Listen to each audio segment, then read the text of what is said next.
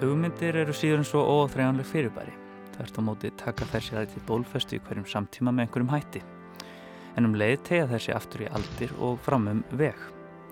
Í þessum þáttum sem engan veginn má líta á sem tæmandi umfjöllunum hugmyndir tengdar fullveldinu verða tilteknir hugmyndaströymar fullveldisjónar raktir til fortíðar og framtíðar með hliðsjón af einum ákveðnum viðbörði sem telja mátti marg sem þær hugmyndir sem um ræðir.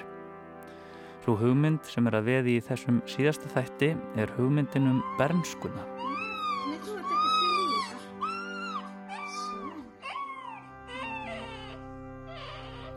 Drengurinn sem hér grætur er fættur árið 2018 og kann vel að koma til með að upplifa 200 ára afmæli Íslenska ríkisins árið 2118. Lánist Íslandingum að tryggja fullveldi sitt næstu 100 árin.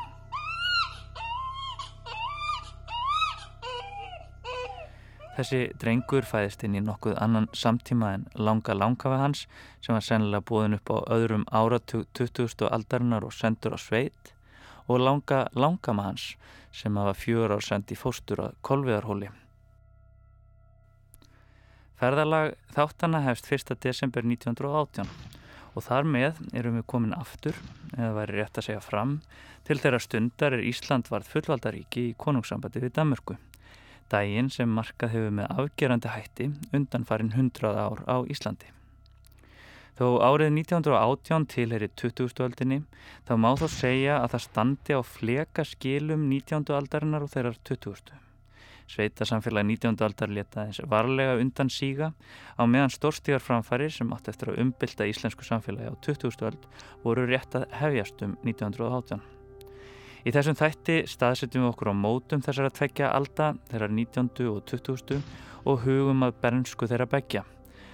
Anna Bjarnadóttir var 21 árs viðstöld fullveldisháttíðina þann 1. desember 1918 og í viðtali við Egert Þór Bernhardsson árið 1984 hafði Anna þetta að segja um dag fullveldistökunar. Já, það var eiginlega undir sorglegum kringustæðum. Það var flaggað í hálfastöng í, í Reykjavík vegna svo margra döðsfalla og ég var hann að stödd hjá,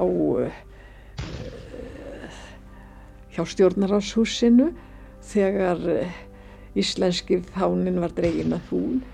Og þarna, mér fannst að það væri bara sára fáir þarna. Það var, það var stilt og gott veður en frekar svona kallt og þarna þetta var óskup döft yfir öllu eiginlega en uh, það var nú samt stór stund þegar að klopni fánin var dregin að hún á stjórnarháshúsinu og 21 skoti skotið Kristrún Heimisdóttir lagfræðingur er barnabarn önnu Bjarnadóttur.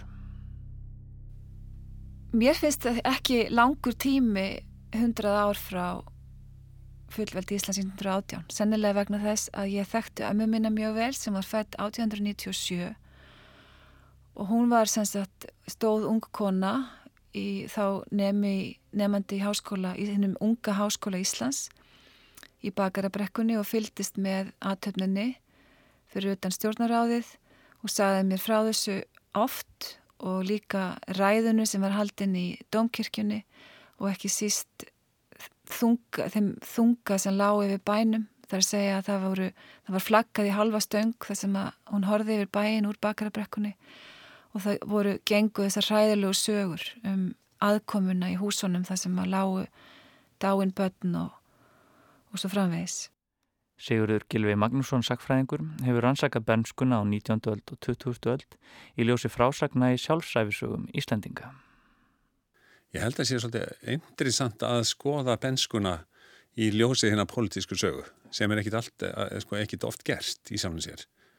Eh, menn tala um hérna pólitísku sögu sem svona í sérstakri kategóriu en gleima því að það er náttúrulega fólk sem er á bakvið hana, ekki bara ráðamenn heldur líka bara almenningur í landinu. Og það er náttúrulega það sem félagsagan hefur gert.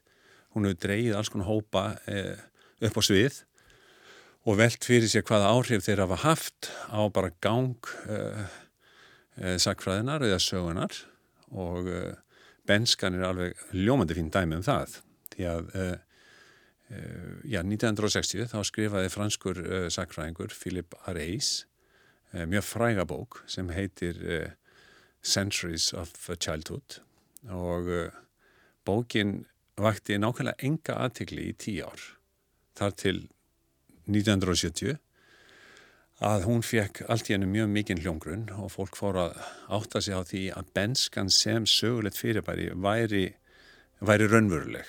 Áður var bara litið á börn sem svona litla fullorna og þau voru alltaf meðhandlaði sem slíkir. Og eina ástæðin er alltaf fyrir því að, að benskan var kannski ekki tekið mjög alvarlega, var gríðarlega hár ungbarnadauði á 18. 19. og langt fram á 19. öld. Miðan 19. öld á Íslandi er ungbarnadauðin 35%. Þannig að það er mjög margar og gróteskar sögur af dauða ungra barna og þegar ég tala um ungbarnadauða þá er það semst frá fæðingu og til einsansaldus og þú sér það í tímanna eh, flokkið að 34 eh, börn deyja á fyrsta árinu þannig að hefur alveg gríðarlega mikil áhrif á bara allt kvestastlíf fólks um, Areis hann dregur fram að þetta þetta aldur skeið hafi raun og haft sína menningu og sína hugsun. Og það væri mikið vægt að átta sig á hvað um hvað það snýrist. Þannig kjölfari fóru fram alveg gríðarlega miklar og áhugaverðar rannsóknir.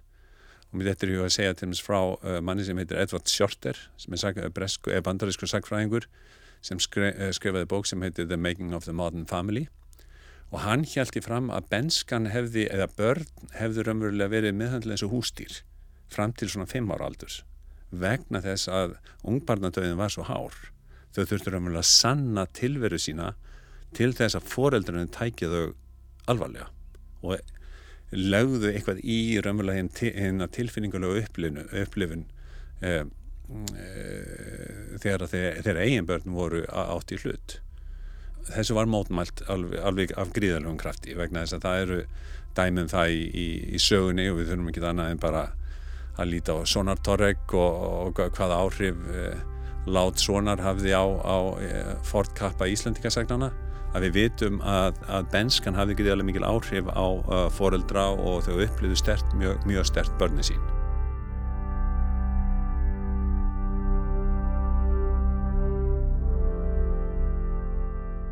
Anna Bjarnadóttir sagði okkur frá skada spænsku veikinar árið 1918 sem lagði bæði börn og fullortna að velli og Anna mun fylgja okkur nokkuð áleiðis í þessum þætti og segja frá aðstæðum þetta ár 1918. En hún var sjálf ekki barn á þessum tíma. Það voru aftur á móti þrjú sískinni sem Guðfinna Ragnarsdóttir, reyðstjóri tímariðs ættfræðifélagsins og fyrirvænandi kennar í mentarskólum í Reykjavík kann að segja frá. Einn þessara sískinna er langa langama drengsin sem við kynntumst hér í upphafi og annað fadir Guðfinnu. Ég sló á þráðin til hennar í vikunni, hún var stött í Greiklandi og því ég hljóðið á símtalinu nokkuð bjagað, næstum því eins og það komi úr fortíðinni.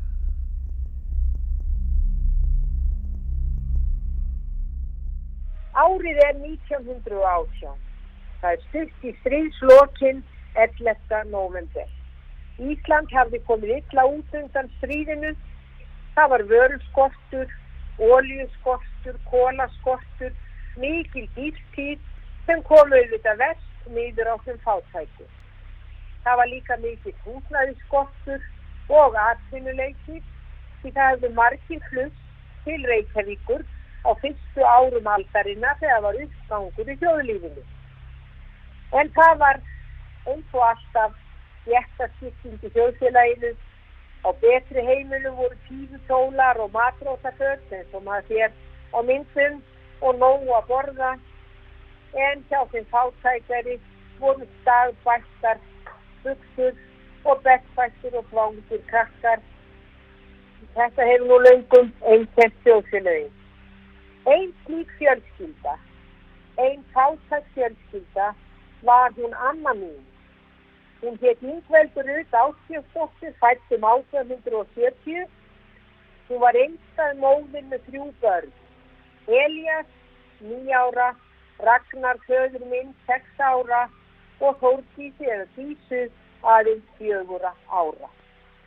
Pappi minn hétt Ragnar Jónsson og var síðar baðvörður í Östubæðaskólanum í Reykjavík í 40 ár og ábyggilega þúsundir einstaklinga sem muna hann enn. En sem sagt, árið 1918 byrjaði með gríðalegum kulda sem gaf vetrinum nafnið frostaveturinn miklu. Síðan kom kallt sumar og loft höstið með bæði spænstu veitina og köllugósið í oktober og november. Og þegar þessu, þetta var allt yfir staðið þá lágu mörg hundru manns í valnum. Frostaveturinn kom eiginlega ákaflega mikið við okkur hérna heima á Íslandi því að það var algjör skortur á almennulugum kólum og uh, til dæmis uh, á okkar heimili við vorum nú, við vorum nú eitthvað sjömanns í heimili held ég við þurfum öll að hýrast í sömu stofunni. Það sem ja, húsið að öðru leiti var ekki hitta nitt upp. Ég svaf nú í litlu súðarherbyggi på lofti á móti norðri og súðin hún var sko alveg hjöluð að innan. Loksins mæ, mældi ég nú hitan þann inn og þá held ég að það verið einst vera mínus átjárstíg. Og þá flýði ég sko inn til pappa og mömmu og og bjóðum mig þar á gulvinu og flattsæng. Ég man nú ekki hvað lengi það var. Það var því dapulegt ástand þegar fullveldur gekk í garð sista desember það lítið lagsnett í eitthvað á þessa leið og ég færi örlítið frjálslega með. Fánar voru dregnir af hún, skotið af fattfissum, dönsku soldátarnir gerðu honör í blöytu leðjunni og þeir sem ekki voru döðir hrópuðu húrra. Nei, fullveldið og gleðin sem hefði átt því að fylgja náðu lítið til almennings. Eitt þeirra sem vikstust þetta höst var hún yngveldur amma mín og þá var fátt til bjargar fyrir börnin þrjú, nýja ára, seks ára og fjögur ára. Það var sama upp á tenningum hjá fjöldamörgum fjöldskyldum í Reykjavík en spánska veikin lagðist af miklum tunga á bæjarbúa. Markin misti fóröldar sína stundum báða, en sem betur þegar ekki hann pappi minn. En Reykjavík áfast að senda vegalög börn austur í Sveitur, eins og eftir jarðskjáttan 1896, og þá var það bara í hinn áttina, þá vorum við flutt vestur yfir helliseiðina af jarðskjáttasvæðinu. Alls munuðum 30 börn hafa verið flutt austur. Meðal þeirra var hann pappi minn og bæði sískinni hans, Elli og Dísa eins og þau voru kollið. Dísa fór þó ekki yfir heilina, heldur var sett úr að kolviðar hóli og fór í fóstur til valgerðar sem lengi var bústýra og öllum tekst á kolveðurhóli og mannsinn kennar. Þá var hún aðeins fjögura ára. Hún átti aldrei eftir að koma aftur heim til móður sinna. Þessi faraldu kom sko einhvern veginn þannig að hann var komin yfir okkur áður en við gerðum okkur grein fyrir því. Og var, þess var kannski fyrst vart að, að hérna hús voru ekki opnu sko á mótnana og svo þegar, var, þegar þau voru opnu þá lág kannski fólki dáið og börnin kannski bara lífandi búðir voru ekki opnaðar sko, það voru engi til þess að afgreða þar. Læknanir voru meir og minna veikir. Og og allt sem satt komið í kalda kól Elli nýja ára fór af hömrum í Grímsnesi, hann kom heldur aldrei heim. Pappi fór að Minniborg í Grímsnesi til Stefán Styrikssonar og var þar í heilan vetur og fram á vor. Hann var þá eini sem átti aftur hvert til nönnu sinnar eftir að hún jafnaði sig eftir veikindin. En það var hann auðvasteytnin hennar og indi upp frá því. Sjálfsagt hafa bæjar yfirvöldin verið fegin að losna við lausælis börnum og bænum. Þau hættu þá að ítingja bæjar sjóði. Tókt hún amman mín leitæðist nú alla tíð við að sjá sér og börnunum sínum farborða. Samt var hann pappi minn reykinglingur í húð og hár Hann var nýjundi allliðurinn, reykvíkingur. Hortiður hans skjökku hér mann fram að manni allt frá 1640 í gamla víkurbænum, rauðara og í segja Arnarhóli, bústöðum, breyðhosti, kleppi, laugarnesi og hann var komin af Otsi og Jóni Hjartalíð. En það var ekki verið að hugsa um það, börnum voru bara sendir þess þóttu þurfa. Heima hjá mér þá gætti veikinar nú ekki mjög mikið. Við vorum eitthvað, ég held að við erum sjömanna fjölskylda, foreldra mínir fengana alls ekki. Við yngra fólki vorum nú svona eitthvað lítil sátarveik en eh, frískuðustum fljótt aftur og þá komst ég nú á kreikskossun og sá hvað var að gerast í bænum. Það, það var alveg vandræði með líkkistur vist slipstöðin var látin, látin smíða líkkistur. Og, og svo var það einhver skúr sem var fluttur upp í, upp í kirkjugarð og gerður þar að, að svona hvað var þetta graði svona grafís eða það var hægt að bera kistuna þangað inn meðan það byggðu greftrunar og eh, barnaskóli, miðbæja barnaskólin var gerður að spítala. Það var maður heyriði ímsa sögusagnir. Til dæmis það var verið að segja það að líkin hefði orðið svört og að þetta væri svarti döiði maður heyriði svolítið sagnir einhverjar. Ungveldur amma mín bjóða þessum tíma á það börnunum sínum í Bjarnaborg stóru timburhúsi sem enn stendur við hverfiskötuna fallega uppgett. Þar bjó á þessum tíma fátækt fólk, fólk sem minna maktu sín. Hún hafði eitt herbyggi til umráða og deildi eldunar aðstöðu með annari fjölskyldi. Oft sagðist pappi hafi verið svangur á þessum árum og fátt var um skjól eða matarbita. Það var því þáttæku fólki mikil björn þegar Tór Jensen gaf heitar máltíðir öllum sem vildu í miðbæjarskólanum þetta höst. Alla æðina mistist hann fadir minn þessara máltíða og alla æði blessaði hann Tór Jensen og talaði um hann með nýttilli hlýju. Amma var fætt 1897 og hún var í raun og veru uh, svona viss kannski forréttinda barn í Reykjavík þar að segja fadrinnar var kennari við lærðaskólan og, og móðurinnar var svona af velstæðu fólki komin um, fadur hennar hafi verið kaupmaður og búðum á Snæfellsnesi og amma hennar svo sem resti kirkjuna sem það er fræg en, um, en amma var sem sagt svona um, ólst upp held ég í raunverulega við ljómandi góðar aðstæður í, í hennum litla miðbæri Reykjavíkur, gekk í barnaskólan og östupi sem að hérna og svo framvegis og um, þegar hún var viðstöld þannig bakarabrekkunni 1918, 1. desember þá var hún nefandi í Háskóla Íslands, þessum unga Háskóla Íslands, eina af allra fyrstu konunum á Íslandi sem fór til menta og, og þá nefndi sem sagt Sigurðan Nordals held ég að það hefði verið á þeim tíma.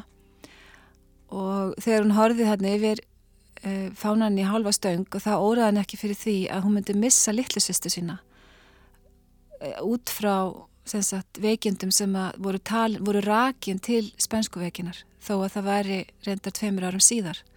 Þá voru veikindi hennar rakin til spænsku veikinar og, og þannig sem sagt dó litlu sýstur hennar.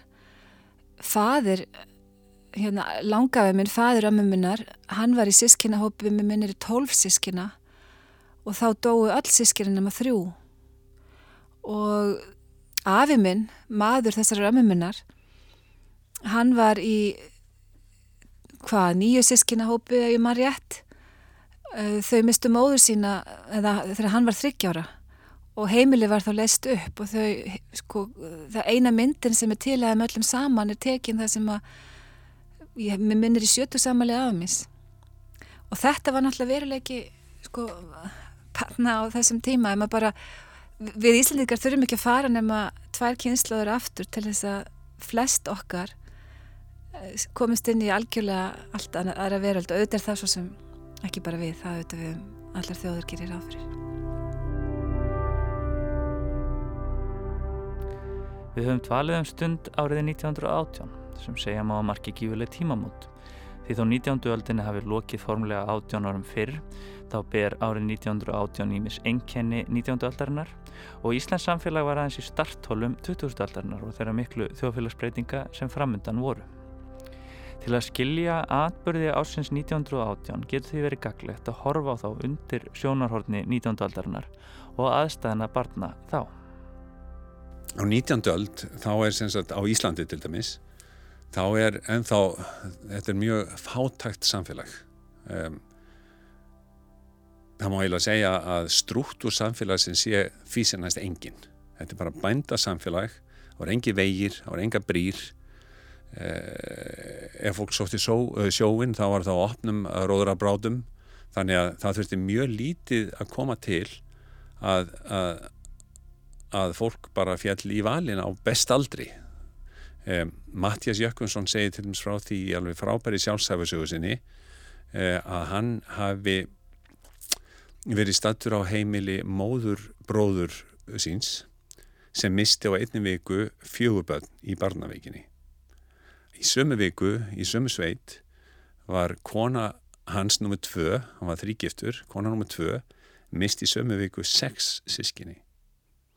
Indrið Einarsson leikritarskáld segir frá því sjálfsæfisögu sinni að hann hafi verið einna 15 sískinum og 6 eh, þeirra komist á legg. Öll hinn dóu.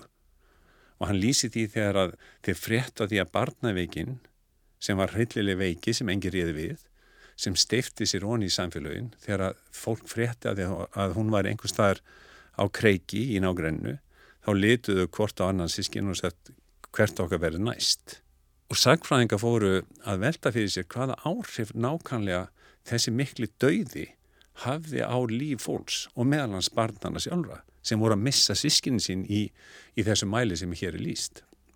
Eitt af því sem ég hef haldið fram að það er ekki aðeins eins að ungbarnadauðin og dauði fólk sem var í kringum hvert barn, eh, foreldrar, ömur og afa, strútt og samfélagsins var þannig að, að fólk gifti sér seint þannig að ömur og afa sem voru gætan tengt fjölskyldunum þau fjöllu frá þegar börnin voru oft uh, ung. Uh, vinnuhjú kom og fóru sem börnin tengtust oft mjög sterkum börnum, uh, böndum. Nú dýr voru letið slátrunar missirinn var stór hluti af lífi fólks á 19. öld. Og þá spyr maður hvernig glýmdi fólk við þennan vanda að vera alltaf að missa einhverja sem voru nákomnir, hvort sem hafa voru dýraríkinu eða bara eða fólki í kringu þig og mín rauk hafi verið þau að þetta skýri til dæmis mjög hátt læsi á Íslandi. Að börn í þessu fátaka einu fátakasta bændasamfélagi í Evrópu verður læs á til þess að gera mjög skammun tíma á milli 5 og 6 ára aldursins. Og þetta gerist náttúrulega á kvöldvagonum það sem oft er lesið upp á þetta sögur sagðar og mæðurnar eða vinnuhjúin voru að segja börnunum til bara með prjónum á meðan var verið að prjóna eða vinna öllina þá voru börnin eh, sagt til í lestri og þau nýttu, þau sáu tækifærið til þess að sökva sér gleima hverstarslífinu sem var ofti yfir þyrmandi og sökva sér onni bókmendir sem voru til í uppskriftum í mjög mörgum heimilum. Þannig að það var mjög mikið kvati að ná tökum á þessu fyrirbæri sem læsi var að ná tökum á lestri og svona, hvað, hvað er maður að segja, abstrakt hug, hugsun almennt. Og þetta leiti til þess að, að börn lásu ekki aðeins sögur, það tilhengaði sig ljóð, það skildi kenningar og heiti ljóða, það, það, þau unnur ömulega með mjög, mjög abstrakt hugmyndir í, í, í bara sínum kvestagslega, fábreytilega kvestagslega lífi. Þannig að þegar þessi börn á 17. 19. aldar verður fullorið fólk og stýgur inn í hinn velvæta heim 20. aldar þá er það stökk ekki mjög eh, stórt vegna þess að þau skildu og gáttu tilenga sér mikið floknari heim heldur en þau sjálf voru alveg upp í. Og þetta hefur svolítið mikil áhrif á svolítið mikil áhrif á bara þróun 20. aldar á, á Íslandi. Hvað við erum raunverulega fljót að ná góðum tökum á svona nývæðingu samfélagsins sem sannlega hefst í upphafi 20. þó svo að 20. enginni alveg fram til kannski setna stríðs eh, svona frekar einfaldur struktúr það er svona það sem stundum við kalla á ennsku selective modernization menn velja ákveðna þræði sem er nátt tökum á í, svona, í nútíma skilningi en halda samt við hefðirnar og, og, og síðuna sem, sem eh, hérna, hafði fleitt þjóðinni sannlega áfram í öldum saman. Þessi sko, þróun, hún skilar meðal annars því að fjölmargir alltíðumenn sá ástæðu til í byrjun 20. aldar og langt fram hættu allir 20. ald að setjast niður og skrifa sína sjálfsæfisugur og mjög oft er þetta fólk sem byrjar bara, fyrsta setningin er ég hef ekki frá mörg að segja en ég ætla samt að segja mína sögu þannig að, að það er svolítið aðtiklisvægt að sjá að þessar bókmyndi sem eru nú Íslandingar hafa mjög mikið dálæti á sem eru sjálfsbókmyndinar að þær eru á mörgan átt mjög pólitíska bókmyndir vegna þess að þær eru svolítið innlegg svona á kvestagslegan hátt inn í samræðu fólks við samfélagið hér er ég ég gerði þetta til þess að hefði líðfrjálsa ríki mæti vaksa og dafna. Og þetta er svolítið merkilega held ég svona nálgun á þessa pólitísku spurningu um hvað uh, frelsisbaróttan umlega snýrist um. Hún var ekki elitu uh, baróta þó að sannarlega Jón Sigursson og fjölnismenn og þessir uh, hefðbundnu viðfóngsefni okkar spiluð þar náttúrulega sterka og stóra rullu, þá er það líka fólkið, bara vennilugur almenningur sem gerði sitt og leit, á, eh, leit sem svo á að þau væru raunverulega að standa með þjóðinni. Þau voru að byggja upp þjóð.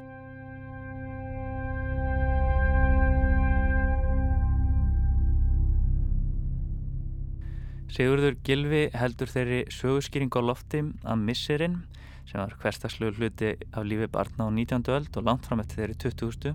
hafi haft mótandi áhrif á sjálfsmynd aldamóta kynsluðarnar sem tekur þátt í að gera Íslanda fullvalda ríki.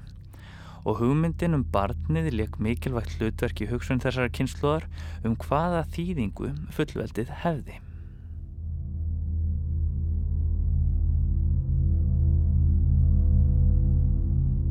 Hugmyndin um barn og þroskabars og svona framvindu einstaklingsins frá því að vera hérna barn og þángar til að vera sjálfráða það var líking sem var notuð í fullveldisbaráttu Íslandinga og þessa líkingu notuðu þeir Bjarni frá Vogi alþingismæður og Einar Arnússon sem að voru aðil samningamenn Íslands í sumari 2000, nei, fyrir sumari 1918 merkilegir menn báði tveir og, og voru ótrúlega vel heima í lögfræðilegri þróun þessa tíma.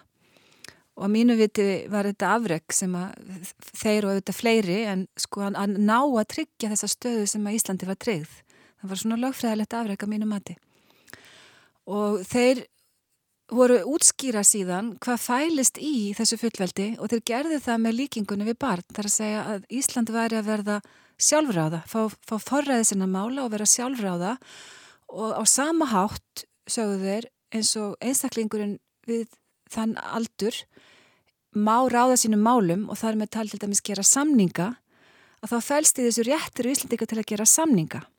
Og þarna voru þeir að útskýra þá hugmynd sem að þarna þá þegar var orðin og átti eftir verða ennþá frekar ríkari í þjóðaréttinum að sko fullveldið er ekki það að að bara hafa algjört sjálfdæmi, gera bara allt sem þetta er í hug, heldur eiginlega enn frekar þessi hugmyndum það að þess, þau ríki sem að njóti fullveldis og viðurkenningar á fullveldi, þau séu fullgildir aðilar til þess að binda sig. Þetta er svo kallega bundna fullveldi, binda sig í samstarfi við aðra þjóðir. Þetta er aðgöngum með því að því. Og, og þannig að þetta er svona hugmynd sem að, sem að á sér sem sagt, e, stað í íslenskri hugsun um fullveldi og er svona eins konar líking við barnið.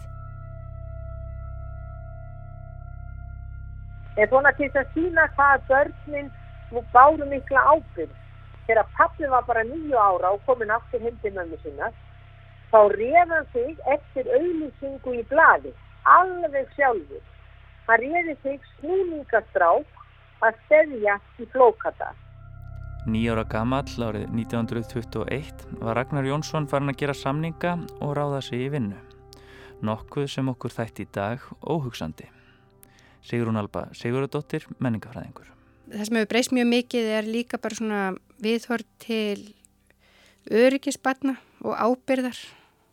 Uh, ég er til dæmis fætt 73 og 1980 og 2 þegar ég var nýjára þá var ég að passa tvo litla stráka eins og háls og tveggja og háls á skamla. Nú er ég nýjára gamla stelpu og hérna ég skilur ná vall eftir eina heima. Veist, það, það veginn, þetta hefur breyst svo mikið, einhvern veginn ábyrðin sem maður leggur á börn og, og hérna og svona hugmyndir um öryggi batna held ég. Og hann fór, ég mann ekki hvort það var Suðurlandið eða Lagsfoss, fór með því, eh, hafði þetta allt á sín eigin könnu, fóruð í borgarni og þar beigð Björn Bóndi á Selja eftir honum með tvo hesta og saman rýðu þeir svo upp í Flókadal. Og þar var pappi nýjára gamal allt sumarið við vægastakt yllan aðbúnað. Hann var kaldur og svangur og hundblöytur að reyta arfa langt frá bænum. Nei, það var sannlega ekki mjölið undir fátækt börn á þessum árum. Bara maður svona horfið til þeirra sem maður þekkir sjálfur eins og ég átti ömmu sem var sendt ungi fóstur og var látið vinna því að móður hennar dó. Og ég held sko að þeir sem kom frá lægri stjættum þeir kannski átti ekkert endilega svo mikla bensku. Þeir þurfti að verða fullornir daldið hratt og, og snemma. Þannig að ég held að það sé daldið áhugavert að skoða þetta út frá því hvaða stjætt tilherður uh, og ég minna þeir sem að voru betur stæðir þeir náttúrulega fengu að leika sér og fengu að vera börn lengur og hérna fengu að gangi skóla lengur og einhvern veginn eiga sína úlingamenningu í að vel Árið 1918 stendur sem fyrr segir á tímamótum á mótum 19. og 20. aldarinnar. Ragnar Jónsson réðs í vinnu snemma á þriðja áratug 20. aldarinnar og nú skulum við hverfa aftur fyrir aldamótin 1900 til 19. aldarinnar þar sem vinnabarna var í raun mikilvægur hluti af samfélagsgerðinni. Börn byrja að vinna 5 til 7 ára. Þeim, þeim er útlutu verkefni sem oft eru ansi eh, svona, eh, hvað maður segja, ansi krefjandi. Eh, þau þurfa að setja yfir ánum og það er ekkit alveg í túnjaðrinum, það er einhvers þar fjari heimilinu sjálfu og oft á, á um miðanætur. Þá þurfti einhverja að sjá til þess að flokkurinn fær ekki uh, tækja á rás til fjalla.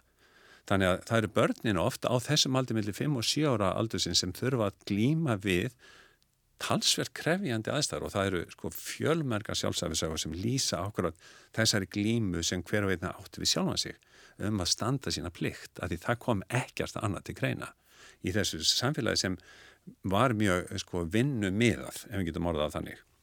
Þannig að, að lýsinga sjálfsæfisagna eru oft um hvernig þau yfir unnu hræðsluna því að það var náttúrulega nóg tækifæri e, þau, þau lappa inn í öngferfi sem þau voru að hlusta á í kvöldvökunum af tröllum og álfum í öllum fjöllum og öllum stokkum og steinum.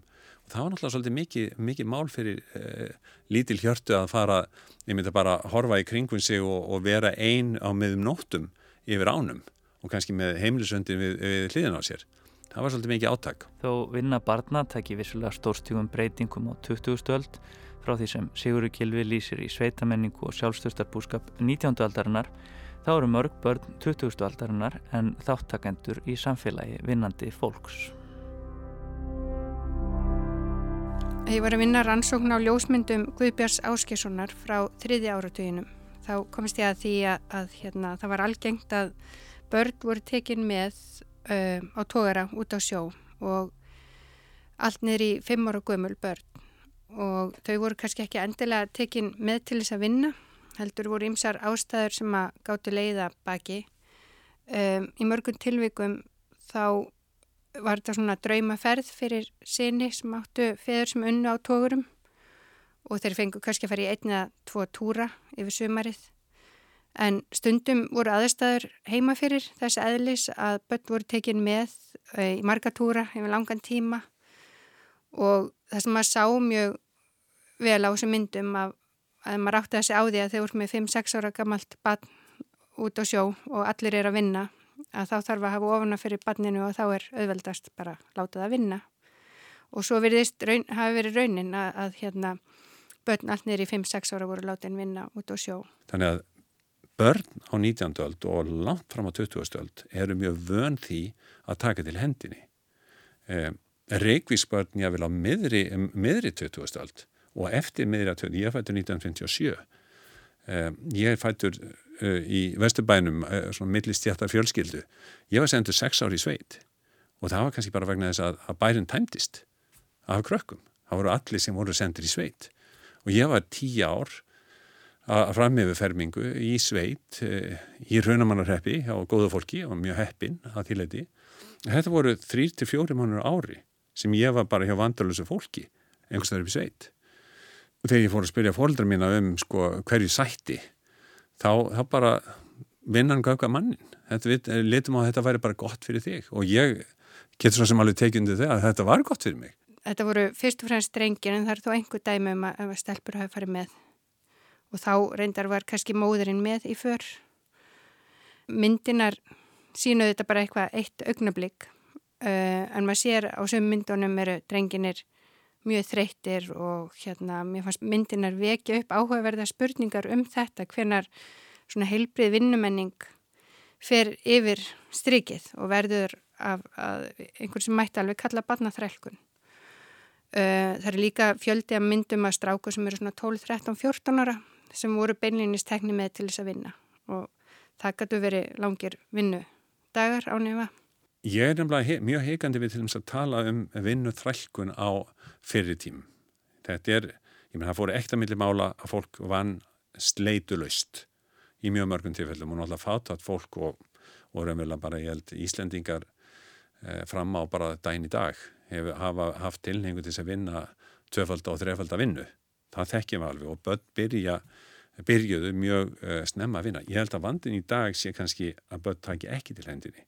Þau venjast ekki þeirri vinnu sem ég allavega vandist. Ég veit að, að fóstursónu minn, uh, hann, hann kann ekki að, að, að sko handla kúst, hvað þá tusku, bortusku, uh, sem er náttúrulega pínliti vandamál. Ég meina, þetta er indislegu drengur og, og á örgulega framtíðina fyrir sér, en þessi hlutir hafa einhvern meginn af bara af mjög skiljaðljum ástæðum. Ég menna það er ekki hægt að senda, senda bönni sveit í dag. Bændur hafa ekkert við bönna að gera. Þetta er, þeir heia á tveim fyrir dögum bara því þetta er allt saman velvænt ég menn hafa verið að þessi allt sömarið og það þurfti bara tölvuna mannskap ég vil þegar ég er allast upp. En ég síndi þess að sett upp síningu á þjóðminnarsafninu 2009 með þessum myndum sem eru teknar flestar á þriði og fjóruða áratögnum og mér fannst mjög áhugavert hversu sterk viðbröð síningin vakti. Ég lagði upp með það á síningunni að bara sína þess að myndir og vekja upp spurninguna um það hvað væri heilbrið vinna og, og, og hérna hvenar vinna barna breytist ég eitthvað sem mætti skilgreinu sem barnaþrælkun. En ég lagði áherslu að ég væri ekki haldaninu ákveðinu fram á síningunni heldur meira bara vekja upp spurningar en ég fekk margar aðtúasemtir eftir síninguna frá fólki sem að sagði mér ég skildi nú ekki halda það að verið stundu barnaþrælkun í Íslandi. Að þetta hefði allt verið gert í góðu og, og svo framvegis. En, en svo fekk ég líka símtöl frá fólki uh, sem að hafði aðra sög að segja. Það fyrir ekkert að milli mála í hennu stóra heimi eh, viðgerst eh, viðbjóðsleg vinnu þrælkun á börnum. Og við, ég var nú einmitt að segja umrættum uh, eh, síni mínum frá því að ég væri að fara að tala um benskuna og, og einmitt þrælkun. Og hann, er, hann var einmitt að fara í próf í, í, í, í samfélagsfræði núna í dag. Það sem að ykkabli var um þrælkun. Og við vorum að ræða uh, sko, tískuvörur sem, sem hann og ég og, og við öll kaupum sem oft eru framleitt af börnum sem eru undir tíu ár aldri einhvers þar út í heimi.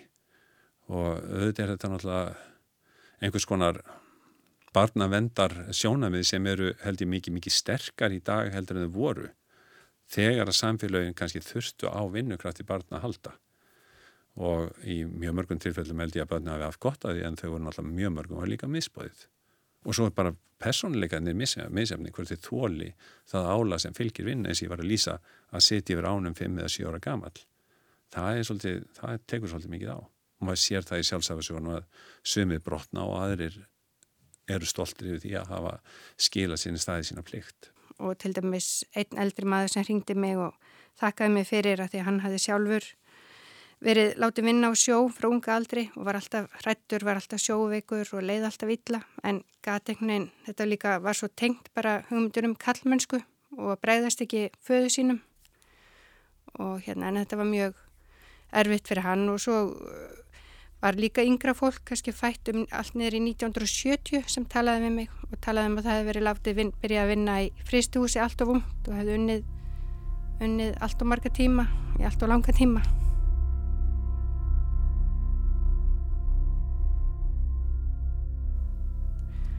Og það sem ég skinniði líka þegar ég fór að skoða þetta aðeins var að, að þetta svo tengt, var oft svo tengt sko sambandi feðra og drengja og þess að satt feðunir tóku börnin með út á sjó til dæmis og feðunir að letu drengjana vinna til að hafa ofana fyrir þeim en líka fyrir strákarna sjálf að skipta það svo miklu máli að standa sér vel til að gangi augun á feðurum sínum og bara fá viðkenningu og, og ást.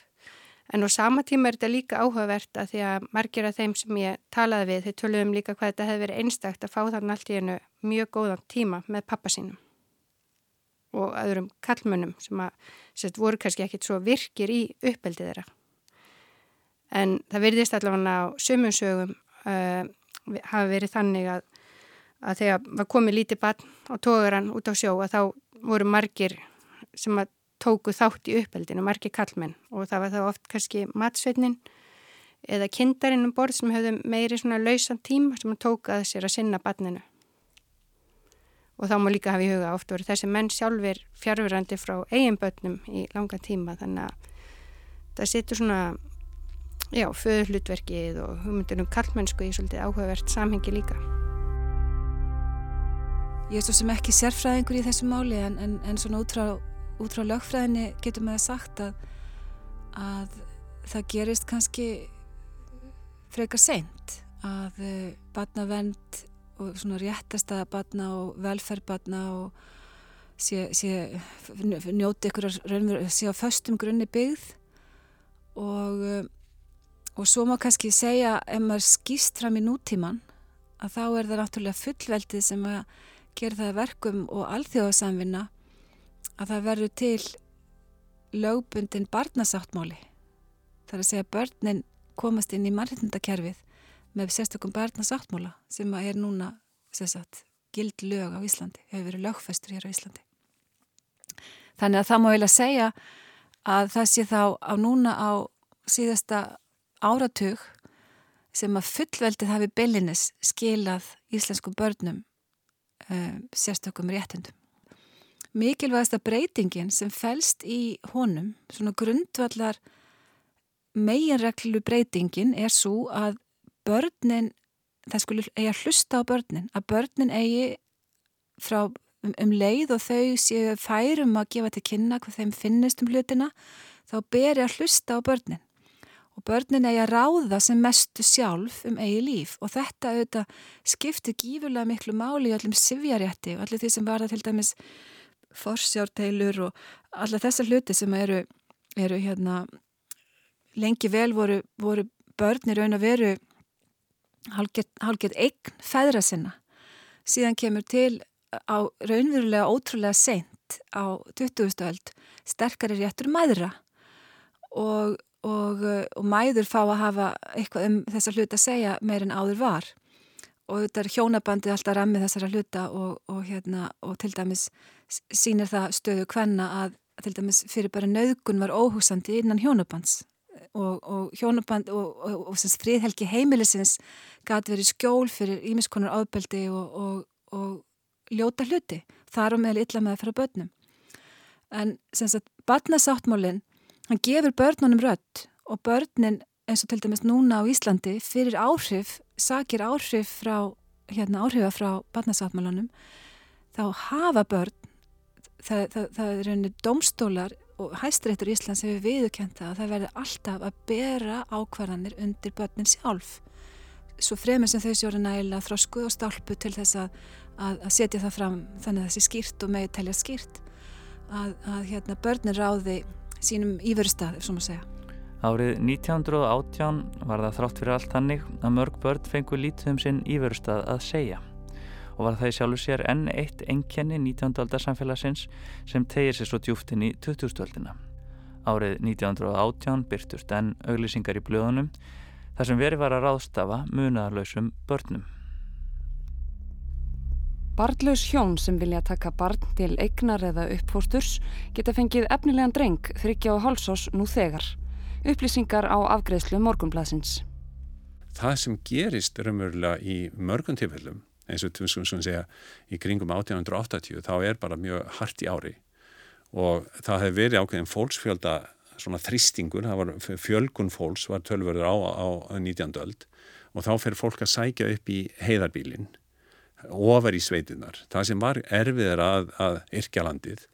Þannig að um leið og eitthvað gerist, að veturinn bara líður ekki, hann, hann endi, tekur engar endi og það verður uppskilubrestur, þá náttúrulega leys flostna þessa fjölskyldur upp og þá þýðir það að, að börn eru send á, eru eh, send á sveitina eins og var kallað.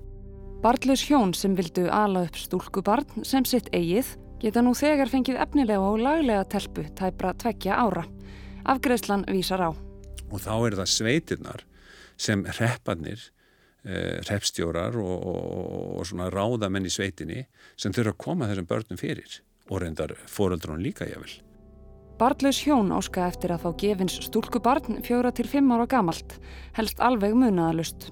Tilbóð mert munaðalust barn sendist morgumblæðinu innan þryggja daga.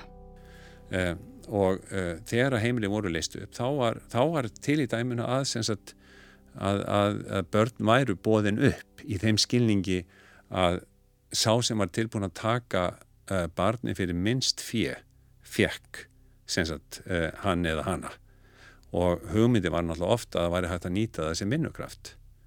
Þannig að upplausn heimilana var mjög algeng.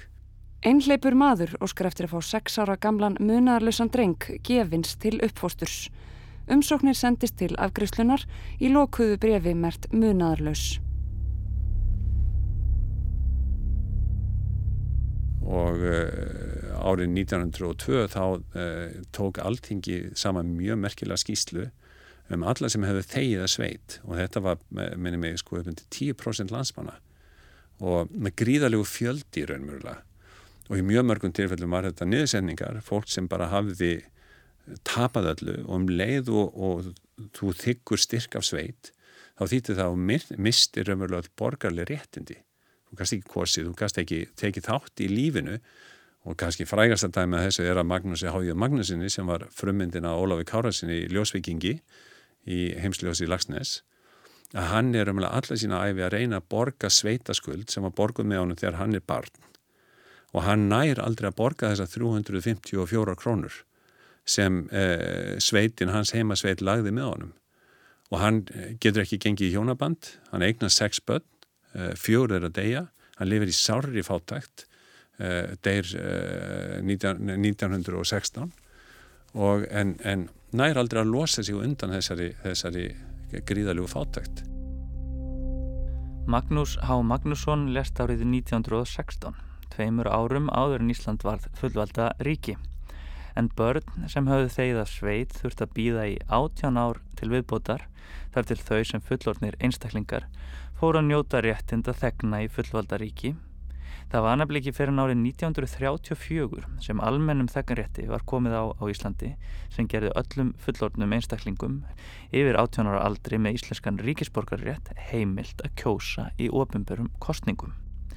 Í dag er eini samfélagshópurinn sem ekki hefur þessi réttindi börn eins og Guðmundur Háldanásson bendir á.